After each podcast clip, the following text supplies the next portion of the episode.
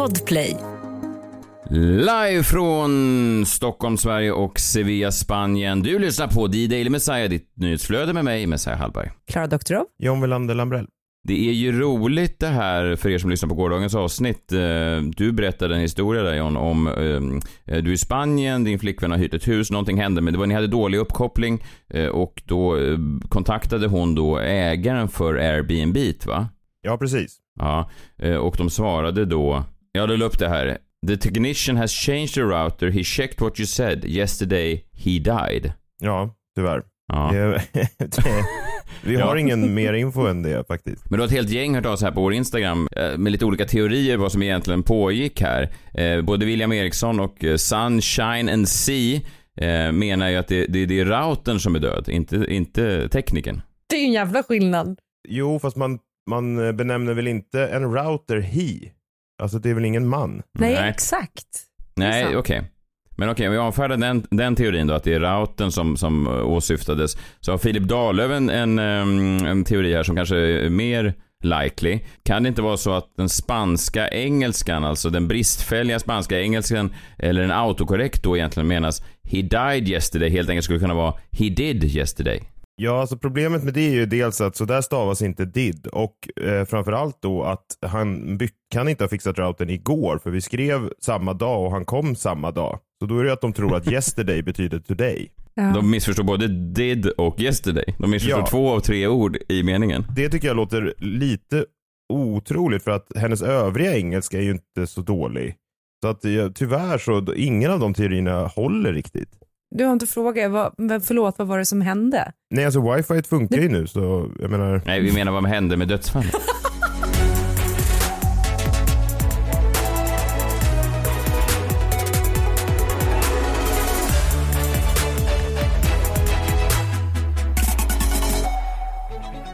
Välkomna hit. Eh, det är torsdag, precis som John var inne på längre fram. Krimmorgon. Jag ska mm, gå igenom eh, ja, allt man behöver veta inför litteraturpriset, eh, Nobelpriset i litteratur som ska delas ut senare idag. Ja, det delas ut priser nu hela tiden och jag måste säga att jag förstår, jag kan inte sätta mig in i hur intelligenta vissa av de här människorna är när jag försöker liksom läsa tidningarnas sammanfattning av vad vissa av de här priserna innebär och jag inte förstår ens vad de får pris för. Jag tror att det är, nej det är, det är all heder till dem. Verkligen. Ja, men visst är det så, man tar liksom en double take på Alltså han får, han får Nobelpriset i fysik och så läser man det så här tre gånger och man, man är så här okej, har det, det har någonting med dinosaurier att göra men det är vi alltid fattat. Men, Jag förstod. Nej, men jag såg också på, jag såg på någon prisutdelning och då var det verkligen så att det var någon som skulle stå, stå och förklara för gemene man hur liksom det här fysikpriset då, vad, vad de hade kommit fram till och vad det var som belönades. Och eh, han höll upp olika papper och inte ens då så fattade jag ett enda skit av vad han menade det. Men har, har ni koll på de som vann fysikpriset?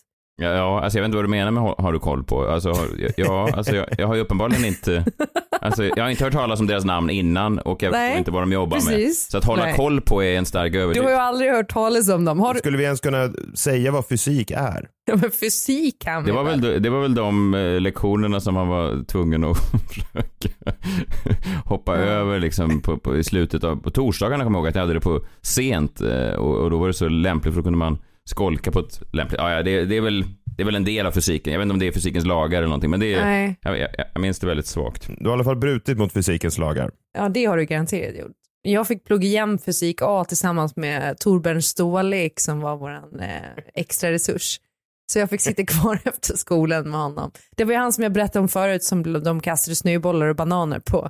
Men eh, ja, skitsamma. Årets Nobelpris i, i fysik gick ju då till tre killar som eh, har kommit på någon form av eh, eh sån här sammanflätade eh, liksom kvantimekaniskt sammanflätat tillstånd, vilket typ eh, handlar om att partiklar är i förbindelse med varandra, även om de är på stort avstånd. Så det som händer med en, en grej här kan också hända med, med samma grej om de har någonting sammanflätat vid något tillfälle i andra delen av universum. Jag fattade absolut ingenting av det. Men jag var ju ändå tvungen att kolla på den här sändningen för att jag skulle se om Victoria Dyring hade en gul blus på sig, för det var ju det jag hade efterlyst häromdagen. För hon verkar ju så himla förvirrad i första sändningen under Nobelveckan då. Och sa då att om du, Victoria Dyring, är hållit gisslan eller liknande på SVT så ha en gul blus på. Och jag tänkte säga vit blus men jag sa gul blus och hon hade en vit blus. Eh, så jag tror inte att hon är fången på SVT. Men då kommer jag över ett annat intressant ämne och då är det då en, eh, en tjej som heter Marianna Dalarsson som är någon form av expert inom någonting, eh, minns inte vad. Men hon berättade då om vem hon tyckte skulle vinna eh, Nobelpriset i fysik. Vi kan lyssna på det, för det var fan i mig inte ospännande. Hör här. Jag hoppas ju såklart att eh, det, att det äntligen är tid dags att belöna upptäckten av metamaterial med ett Nobelpris Ja, du hoppas på något kring metamaterial. Då måste vi veta, vad är, vad är egentligen ett metamaterial? Ett metamaterial är ett artificiellt material skapat av människan som böjer ljus och, och elektromagnetiska vågor på ett sätt som naturliga material inte gör, ofta på ett mm. kontraintuitivt sätt. Och eh, ljus är ju hur vi ser saker, så metamaterial kan göra så att vi kan se saker som vi normalt sett inte borde kunnat se med den våglängd vi använder, eller för att skapa osynlighetsmantlar, eller för att göra förbättrade antenner till 5G och 6G-system. Sa hon osynlighetsmantlar? Hon tappar mig redan eh, mening ett faktiskt. men, eh. Ja, men det, det, hon säger är då att det finns eh, någonting som heter metamaterial som eh, redan är uppfunnet och som då eh, man kan göra osynlighetsmantlar av. Är inte det någon sån här seriefigur som har en sån? Ja, Harry Potter har ju det. Alla i Harry Potter så är det ju. Ja då börjar det bli lite sexigt. Det är klart att man vill ha osynlighetsmaterial så man kan gömma olika grejer. Som man kanske vill ha i sin trädgård som man inte vill att grannarna ska se. Men också mantlar som man kan ta sig in liksom, i de där rummen som inte jag får vara. Så det, där, där, det, det, det, tror jag, det här är metamaterial, det hoppas jag kan få ett Nobelpris längre fram. Jag tyckte det var helt sjukt att det här finns utan att jag har hört talas om det överhuvudtaget. Var det alltså Nobelpriset i fysik? Ja. Nobelpriset i fysik 2022 gick till den som uppfann osynlighetsmanteln. Har jag, har jag förstått det rätt då? Nej, du har förstått allt fel. Varför har de inte visat den här osynlighetsmanteln någon gång? Den skulle man ju vilja se. Det här, det här var då före prisutdelningen där Mariana Dalarsson uttryckte sin önskan att de som upptäckte metamaterial skulle få Nobelpriset. Men Nobelpriset gick ju istället till då den här Alain Aspect, John F. Klauser och Anton Seilinger. Några uppfann osynlighetsmanteln och lyckas ändå inte få priset. Det är ju ett jävla skämt. Jag vet. Jag vet. Vilken jävla blåsning är Jockibois fan som har röstat igen. ja, jag tror att det är någonting sånt. Det, det är ja, någonting som inte stämmer ansikte. här, så är det Ja, men det är det ju verkligen. Tänk att liksom, uppfinna det som alla har drömt om. Eh, det, det, finns ju egentligen, den är ju stark konkurrens. Osynlighetsmanteln är ju en av de här topp tre uppfinningar som man önskar fanns. Den andra är ju den här, kommer du ihåg de här byxorna som fanns i någon saga där man alltid stack ner handen och så var det alltid en ny 10 krona i den. Det var ju den andra. Och sen hade jag... En... Guldbyxor? Ja, ja, precis. Och sen den tredje uppfinningen är egentligen kanske mest jag som drömmer om. Det är, det är en kakburk som varje gång man sticker ner handen så får man upp en ny hallongrotta. Det har fortfarande ingen. ja, jag skulle helst vilja ha osynlighetsmanteln faktiskt. Av de tre? Av de tre ja. Fast den här kakgrejen skulle ju gå att göra, alltså om man bygger ett, ett, liksom, ett bageri under en burk, alltså hemma hos sig, som bara står och liksom langar upp hallongrottor under, liksom underifrån. Så skulle ju det där kunna göra, alltså det, är inte, det är en, är, låter ju ändå görbart. Om man inte ens får Nobelpriset för, för en osynlighetsman så tror jag inte att din bageri under en burk idé kommer plocka hem några pris.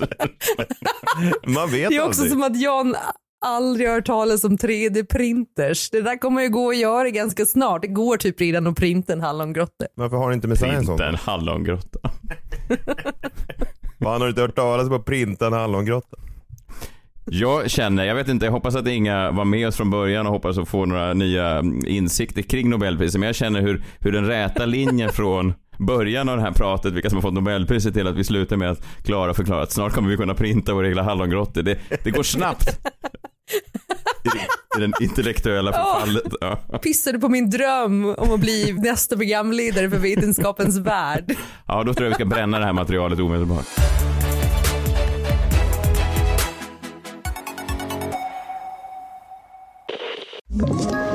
Ett poddtips från Podplay. I fallen jag aldrig glömmer djupdyker Hasse Aro i arbetet bakom några av Sveriges mest uppseendeväckande brottsutredningar går vi in med hemlig telefonavlyssning och, och då upplever vi att vi får en total förändring av hans beteende. Vad är det som händer nu? Vem är det som läcker? Och så säger han att jag är kriminell, jag har varit kriminell i hela mitt liv men att mörda ett barn, där går min gräns. Nya säsongen av Fallen jag aldrig glömmer på Podplay.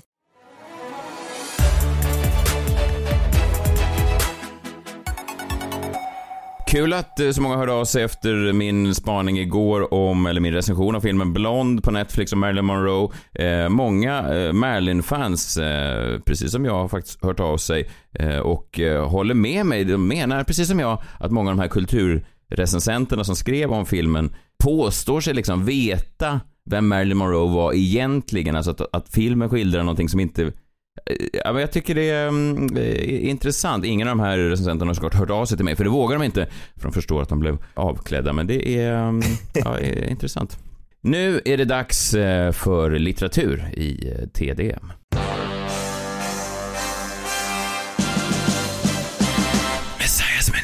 Minut. Nobelprisspecial. Nobelprisspecial, eh, kul. Det är Nobeltema den här veckan. Klara gick igenom allting med fysikpriserna. Nu är det dags för mig att gå igenom litteraturpriset som kommer tillkännages idag. Jag vet ju inte vem som får det, men jag vet någonting annat. Idag öppnas dörren, årets nobelpristagare i litteratur tillkännages och jag har här listan framför mig över åtta saker som garanterat kommer att hända idag efter att pristagaren utsätts. Okej? Mm. Spännande. Ja, jag har bara tagit ett namn här ur min eh, hop av författarinnor som jag känner till. Men, men så här kommer det gå till. Jag vet ju inte att det här är exakt den som kommer vinna. Men dörren öppnas då och så utannonseras det då Ja. att den slovakiska författarinnan Jaroslava Blaskova, hon tilldelas årets nobelpris i litteratur. Det här vet jag såklart inte, namnet är utbytbart, men skeendena därefter är de samma år efter år. Åtta saker som kommer hända efter att nobelpristagaren i litteratur tillkännagetts idag. Okej. Eh, ett. Jag skriver sarkastiskt på min Facebook-vägg. Åh, Blaskova, äntligen.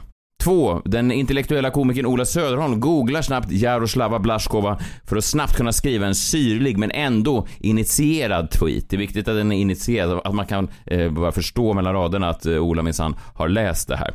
Eh, litteraturkritiken på DN Jonas Tente får panik för trots att han har 100 färdigskrivna hyllningstexter till förmodade litteraturpristagare Ford och DeLillo och Oates, de bara ligger där och väntar på publicering, så har han helt översett Blaskova och han vet att han senast en timme efter tillkännagivandet måste publicera en 10 000 tecken lång text om hur mycket han älskar årets pristagare. Fyra då. Litteraturkritiken på DN Jonas Tente publicerar sin 10 000 långa tecken hyllningstext i DN om hur mycket Jaroslava Blaskova betytt inte bara för honom utan för litteraturen i stort. Han framhåller speciellt verken Brodyr, En hungrandes kvinnas törst och två omhuldade harkrankar som speciellt läsvärda. 5. Det lilla bokförlaget Brodmyr och Jonsén upplever sitt livs bästa dag då de i decennier hoppats på att Jaroslav Blaskova skulle kunna ge deras förlag den inkomstkälla de letat efter. Det är alltid så, det är ett litet förlag som man aldrig hört talas om som liksom har kontrakt då med de här ofta ganska okända författarinnorna. Men då är det alltså förlaget Brodmyr och Jonsén som en gång i livet äntligen hittar det guld som de har då eftersökt. Eh, plats 6. Kåta medelålders kvinnor över hela Sverige kommer rusa in till sin lokala akademibokhandel med Jonas Tentes DN-text i högsta hugg. Och där inne skriker de då närmast unisont med en upphetsad kåt stämma. Var kan jag få tag i ett exemplar av två omhuldade harkrankar? Åh gud, det där är verkligen jag. Den sjunde grejen som händer är att reportrar över hela världen hoppar på ett flyg till Bratislava där de försöker leta upp den erkänt skygga pristagaren. De letar och letar och till slut så knackar de på en gammal, gammal stuga där en gammal, gammal kvinna öppnar dörren och muttrar något ilsket på slovakiska. Alla är då övertygade om att den folkilskna gamla kvinnan är Blaskova och att ilskan då tyder på en integritet som endast en nobelprisvinnande författarinna kan besitta. Innan någon timme senare en slovakisk översättare tolkar vad hon har sagt. Eh, Då visar det sig att ilskan beror på att tanten som öppnade, det var Blaskovas lilla syster. Författarinnan själv dog redan 2017 och fick priset först postumt. Men kan man få det? Eh, ja, det kan man få. Kan man det verkligen? Astrid Lindgren fick det ju 2013, eh, då var hon ju redan död. Jaha. Jag trodde visst. inte att man kunde få Nobelpriset postumt. Jo, jag hoppas. Nej, det står priset kan inte tilldelas postumt. Nej. Vet du om du ska börja faktakolla den här listan Ja. så är är den lång kväll.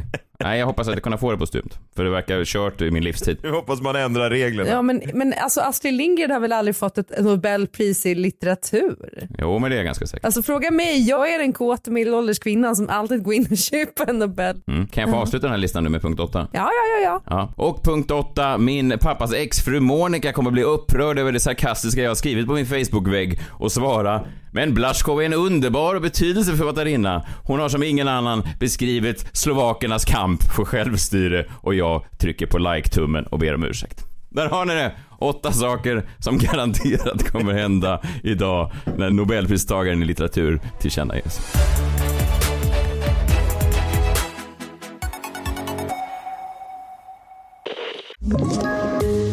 Ett poddtips från Podplay. I podden Något Kaiko garanterar östgötarna Brutti och jag, Davva, dig en stor dos skratt. Där följer jag pladask för köttätandet igen. Man är lite som en jävla vampyr. Man har fått lite blodsmak och då måste man ha mer. Udda spaningar, fängslande anekdoter och en och annan arg rant. Jag måste ha mitt kaffe på morgonen för annars är jag ingen trevlig människa. Då är du ingen trevlig människa, punkt. Något Kaiko, hör du på Podplay. Därför är gardinerna.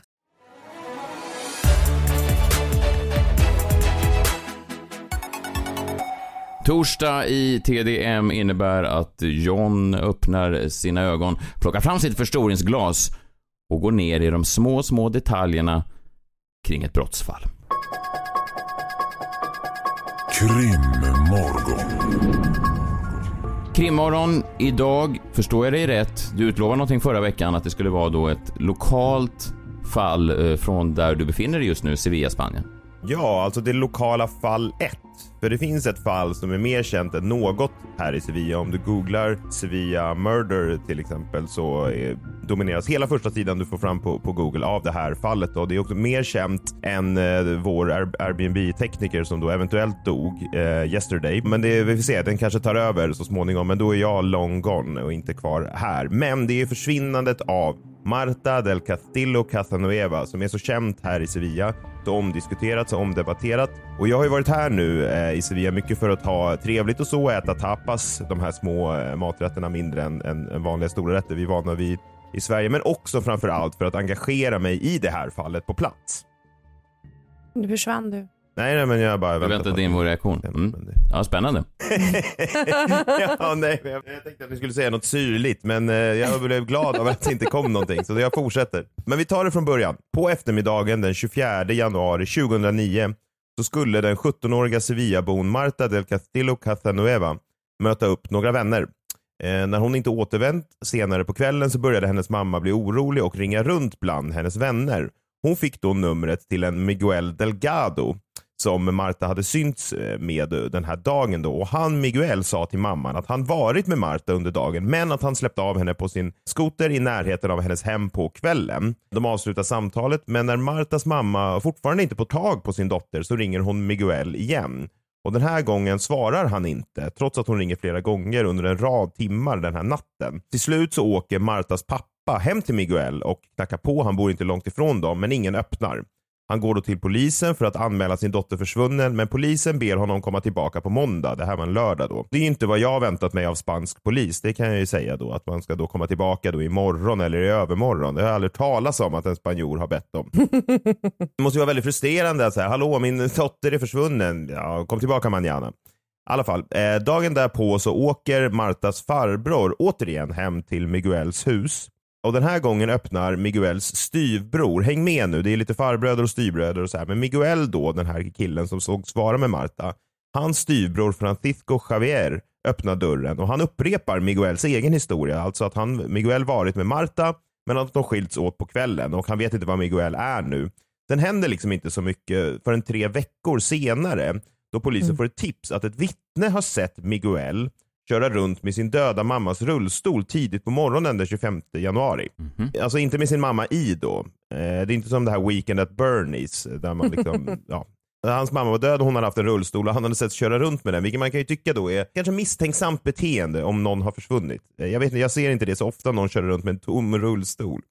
Nej, Eh, ute på gatorna. galet. Men det här får polisen att förhöra Miguel igen och den här gången så beslagtar också polisen Miguels kläder och på hans jacka på Miguels jacka så hittar teknikerna Martas blod. Miguel grips för mordet och nu börjar det komma då många olika versioner av Miguels historia om vad som hade hänt. Nu säger han att han varit med Marta i sin lägenhet och att han råkat slå henne med ett askfat och att hon dog av det. Och att han då kontaktat sin vän Samuel som hjälpt honom att göra sig av med kroppen. Den här Samuel då som plockas in bekräftar den här versionen i förhör. Han säger att de har transporterat Marta på Samuels motorcykel och dumpat henne i floden som rinner genom Sevilla. Men eh, tycker ni inte att det är något märkligt med det här? Den här historien? En ledande fråga, men jo men verkligen. Vad gjorde han ute sen med rullstolen då? Ja, det är ju märkligt, men framförallt då, hur fan transporterar man alltså en död person på en motorcykel? Jag hade bundit fast henne vid mig. Om han får hjälp så... Ja, ja. Nej, fast det är svårt. Ja. Och varför? varför? Varför? Precis. Och det här tyckte polisen lät märkligt då, att då frakta en död kropp på en motorcykel, hur gör man det? Och skulle ingen ha sett dem då dumpa en kropp i stadsfloden från en motorcykel? Jag menar den här floden, det finns bara några broar, det är folk på den hela tiden. Så det var liksom lite märkligt. Så ändrar Miguel sin story då. Nu påstår han att en annan kompis, El Cuco, eh, oklart om det är hans riktiga namn, eh, körde en bil som de transporterade kroppen i. Och den här El Cuco då bekräftar det här. Och även där hade jag trott mer om El Cuco. Men sedan ändrar Miguel sin historia igen och den här gången menar han att det var El Cuco som mördat Marta. Sedan ändrar han sig igen och säger att det var hans styvbror Francisco Javier. Och så här fortsätter det va, hela tiden. Miguel lämnar sammanlagt sju olika historier med olika mördare, mordplatser och dumpningsplatser. Till slut så åtalas bara Miguel för mordet på Marta och han döms också. Men det finns ju ett problem med det här. Och det tror jag är varför det här fallet fortsätter att liksom engagera folk. Och det problemet är ju, var är Marta? Mm. Man har aldrig hittat henne. Nej. Alla de här platserna som Miguel påstått att han gjort sig av med kroppen på kontrollerades ju noggrant. Bloden draggades, alla de här platserna han menar på att eh, hon hade blivit begravd har ju kollats noggrant. Man har inte hittat ett enda spår av Marta. Och jag menar, det finns ju inga tvivel om att den här Miguel Delgado är en nästan tvångsmässig lögnare. Mm. Och att liksom, Martas blod fanns på hans jacka är ju givetvis liksom en, ja, en märklig omständighet. Men mer finns ju inte och det bevisar ju knappast att han har mördat henne. Jag menar, det bevisar väl kanske någonting än att han har varit i närheten av ett mord. Varför skulle hennes blod finnas på hans jacka? Det var en märklig slump. Men man kan ju inte veta vem mördade henne. Det kanske var någon av de här El Cuco och Samuel och Francisco. Vi kommer ju inte veta det. Tydligen så utreder ju polisen fortfarande det här mordet och man misstänker att fler har varit involverade. Att det inte bara var Miguel, eller att det kanske inte ens var han överhuvudtaget. Mm. Men man har liksom inte kommit någonstans på 13 år och Miguel sitter ju inne för det här. Det finns en Netflix-dokumentär om det här som kom för ett par år sedan och den heter Where is Marta på engelska. Och ja, den titeln sammanfattar ju verkligen det här fallet. Jag kommer i alla fall inte att ge upp mitt sökande efter henne och det hoppas jag inte att Sevilla-polisen gör heller. Det är bra att du, fort, att du jag menar verkligen inte underminera ditt, eh, ditt letande, men av de där två du nämnde så är det kanske ännu viktigare att Sevilla-polisen fortsätter leta. Hur med, alltså... Ja, om man jämför med just di- att du Ja, du- fortsätter leta, för du, ibland blir ju, alltså du blir uppehållen när routern inte funkar och så. Det är många andra grejer som Ja. kommer i vägen. Ja, men de har ju mer resurser att söka på henne, men jag... Ja, det är det. Det är det såklart. Ja, det är där det brister såklart. Ja, eh, intressant. Eh, Det är, en, eh, det är en bra dokumentär den där på, på Netflix också. Och, ehm, Du har sett den? Ja, jag har, eh, jag tycker ju faktiskt att eh, ibland så ser jag grejer och sen blir jag liksom påmind eh, halvvägs igenom din krimmorgon att jag faktiskt, det blir liksom en annan eh, take. Det är spännande att höra dig berätta om saker också för det blir liksom en annan, eh, men, jag- men jag, jo, jag såg. Jag tror jag kan ha varit full när jag såg den så jag minns inte så mycket. Det enda jag minns är att Marta var försvunnen och, och det hade jag ju rätt. Vadå, du sitter hemma och dricker såna här rosa fruktdrinkar och så tittar du på eh, true crime dokumentärer på Netflix. Det är ändå en... Raglar framför Netflix på fredagskvällarna. Ja, och drömmer om en tid när Nobelpriset i, i fysik går till mannen som uppfinner den evinnerliga kakburken. Men det verkar inte... Vilken inblick i ditt liv. Du sitter och tittar med polska subtitles. Ja, det hade ändå varit en Tryck på syn. fel subtitle. Varför skulle jag ha polska subtitles? Ja, för att du är full. Full, Tryck ja. på fel. Jo, för att man, man, Ja. tappar, man är väl ändå medveten om vad man tittar på. Det är väl... Nej, men inte efter så många ananasdrinkar. Precis. Söta ska de ha. Vi får se om mina förutspåelser för eh, litteraturprisets tillkännagivande stämmer. Håll koll på de åtta punkter som vi vet kommer hända idag så kan ni checka av dem en efter en och sen när ni är klara med den avcheckningslistan då kan ni slå på oss igen. För tillbaka är vi imorgon bitti 05.00 tror jag vi går in live i studion. Hör oss då, då är det fredag. Jag har dessutom bokat på en musikgäst vilket är väldigt kul. Ja. En kille som just nu är aktuell i Mello. Vi hörs då, ta hand om er. Hej hej! Hej! Hej.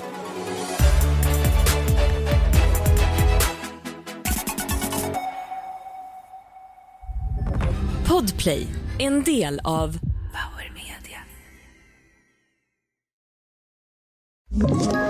Ett poddtips från Podplay. I podden Något Kaiko garanterar östgötarna Brutti och jag, Davva, dig en stor dos skratt. Där följer jag pladask för köttätandet igen. Man är lite som en jävla vampyr. Man har fått lite blodsmak och då måste man ha mer. Udda spaningar, fängslande anekdoter och en och annan arg rant. Jag måste ha mitt kaffe på morgonen för annars är jag ingen trevlig människa. Då är du ingen trevlig människa, punkt. Något Kaiko, hör du på Podplay. Därför är gardinerna.